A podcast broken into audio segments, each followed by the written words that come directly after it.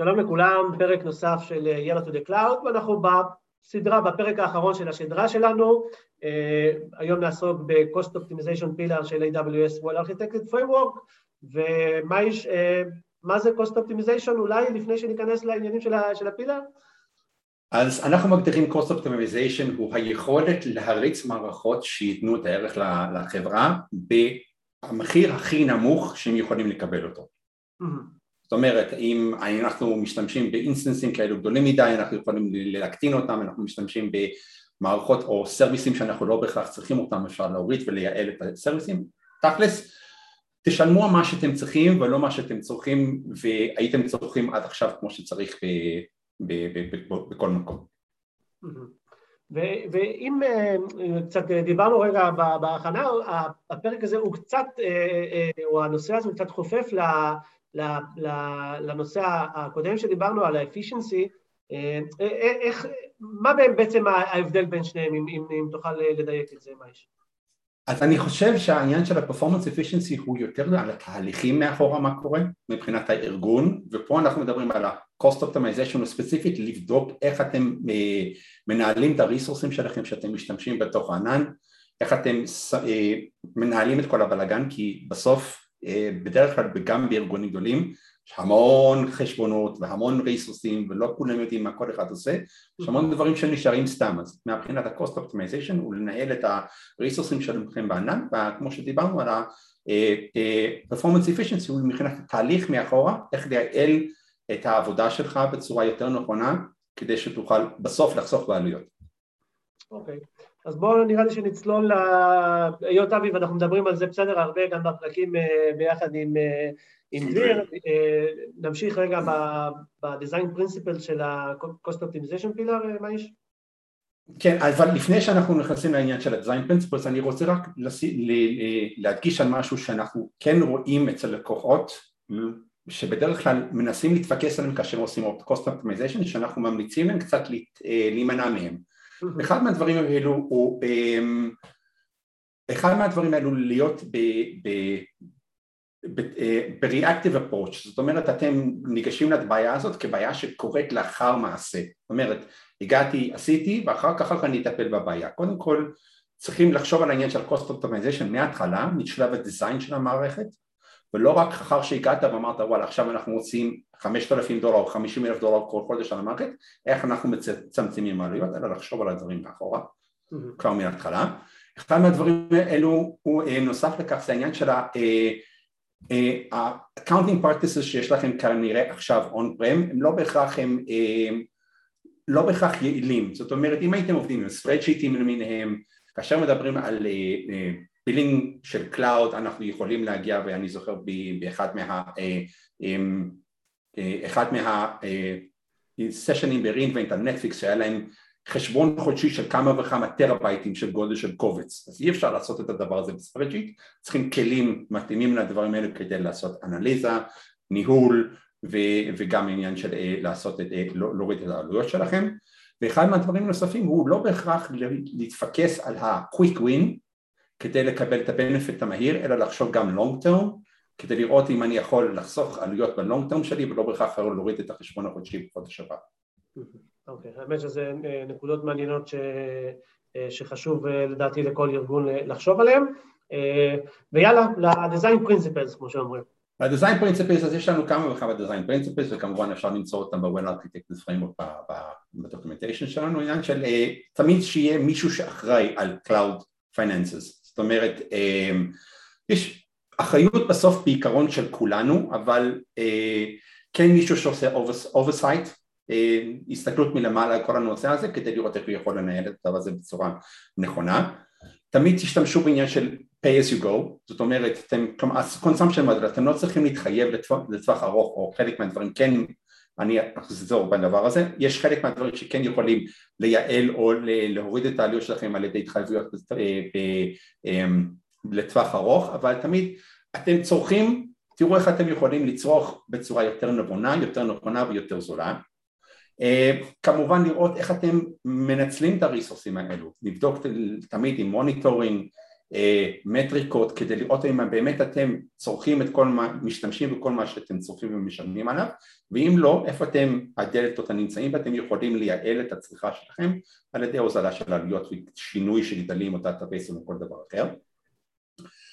אחד מהדברים שאנחנו רואים אצל הלקוחות ואחד הוא נורא חשוב הוא להפסיק להוציא כסף על דברים שאתם לא צריכים לנהל אותם.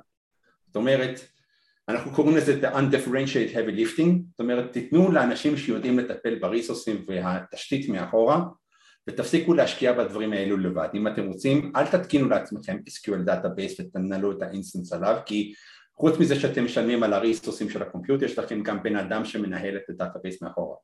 תשתמשו בשירותים מנוהלים כאשר הם מתאימים לכם.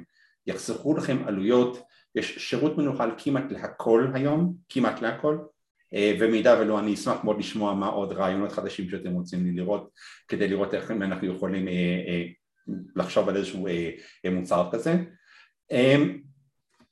אין צורך להרים את כל הביטים והבייטים לבד, תנו לאנשים שמנהלים את הדברים האלו בצורה נכונה וב-scale מאוד גבוה לעשות את זה עבורכם.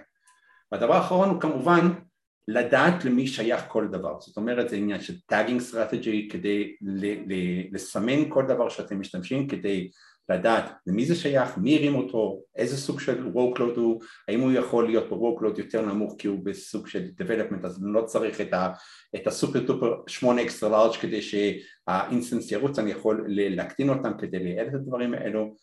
תנסו קודם כל לעשות סדר כמה שיותר מוקדם, כמו שאמרתי, לחשוב על הדברים האלו מראש ולא להגיע אליו לאחר מעשה כי זה רק יקשה לכם אחר כך. ככה לעשות את הדברים האלה, זה ה-design principles בעיקר אני רגע אחזור לראשון שאמרת שצריך להיות אונר, ואני אשמח להסתכל גם על הרמת הבצלות של ארגון, כי לא, לא כל ארגון יש לו את היכולת, אתה יודע, גם להשיג פינופס במשרה מלאה וכולי. אם זה ארגון שמתחיל את הצעדים הראשונים או, או נמצא בשלבי ביניים, איפה אתה רואה את האחריות? אתה יודע, האונר יכול לשבת ב-DevOps, ב-R&D, ב... לא יודע, בתשתיות? אני חושב, ולפעמים חלק מאוד חלק מה, מהארגונים עושים את התהליך הזה שהוא לדעתי בעיניי הוא לא נכון, הוא לחסוך את העניין של כל התובנה על מה קורה מבחינת עלות וכמה בילינג וכמה שימוש שלי הוא כל חודש מהאנשים שמשתמשים בחשבונות האלו כדי או אה, להעביר את זה לבן אדם אחד מסוים או לקבוצה מסוימת שינהלו את הפינופס אה, ולדעתי זה טעות כי אם אתם נותנים לאנשים את האפשרות אה, ואת ה... אה, אתם סומכים עליהם שהם ירימו את הריסוסים הנכונים וגם, וגם צריכים לסמוך עליהם כדי שיסתכלו לתוך החשבון. לכן אני חושב מהבחינה הזאת הוא אצל כולם. כל מי שמשתמש בריסוס בענן חייב להיות לו מאחורה בראש שאתה מוציא כסף שהוא לא שלך הוא של החברה ואתה צריך להיות uh, accountable צריך להיות uh, אחראי על הדברים האלו כי בסוף זה כסף של שלך בסוף שיגיע לבונוס שלך במידה ואתה אמור לקבל בונוס על ידי אה, שימוש נכון מבחינת התוצאות של החברה. במידה ולא שומרים על הכסף הזה אז זה בסוף פוגע. לכן זה האחריות של כולם. אוקיי אז אני חושב שככה אה, נגענו בדברים החשובים ו... וגם פה יש התייחסות לניהול ריסורסרי ולהסתכל כמו שדיברנו גם בפרק הקודם על דברים חדשים שיוצאים שאולי יעזרו לנו אה, להיות יותר אה, אופטימליים ויותר חסכונים אז זה גלגל שככה חוזר על עצמו.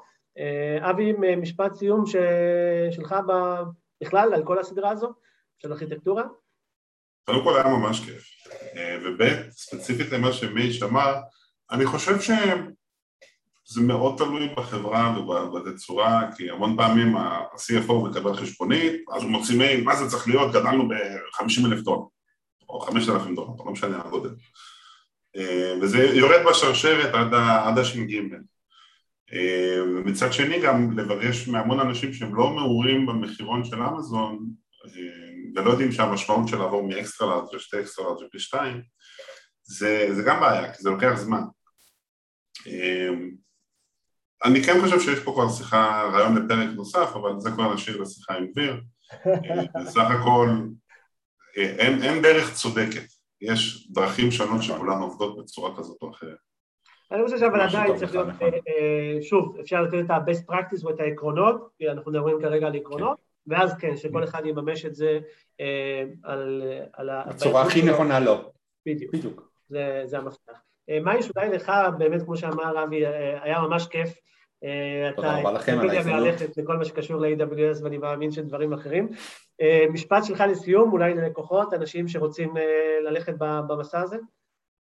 תשתמשו ב-Well Architected Tool, הוא כלי שנמצא בתוך, אה, בתוך ה-console של AWS, אם אתם צריכים עזרה יש לנו גם פרטנרים שיכולים לעזור בנושא הזה, גם ה-Solutions Architect שעובד עם החשבון שלכם גם יכול לעזור, בעיקר הוא self service, אבל אנחנו תמיד פה במידה וצריך עזרה נוספת. אוקיי, מעולה. אז מפה אני רק אסכם שנולד הרעיון באמת לפרקים שיעסקו אה, של ילד ה-cloud בעולמות ארכיטקטורה, ייקח לנו טיפה זמן, אבל התכנים יהיו מעולים. אה, ושוב, תודה אבי, תודה מאיש, תודה לכולכם שמאזינים, ונשמח לפידבקים נוספים כמו תמיד. ביי ביי. יאללה ביי.